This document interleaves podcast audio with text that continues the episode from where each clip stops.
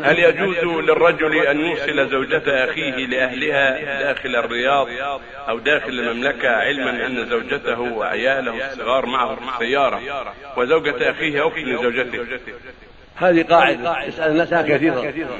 من طريق الهاتف وفي كل مكان. لا لا ما يصلح. لا تروح معه. لا مع أخي زوجها ولا مع زوجها ولا مع السوق. لا بد يكون معهم ثالث أو رابع بعدا عن الفتنة. ولأن هذا فيه نوع من نوع من الخلوة.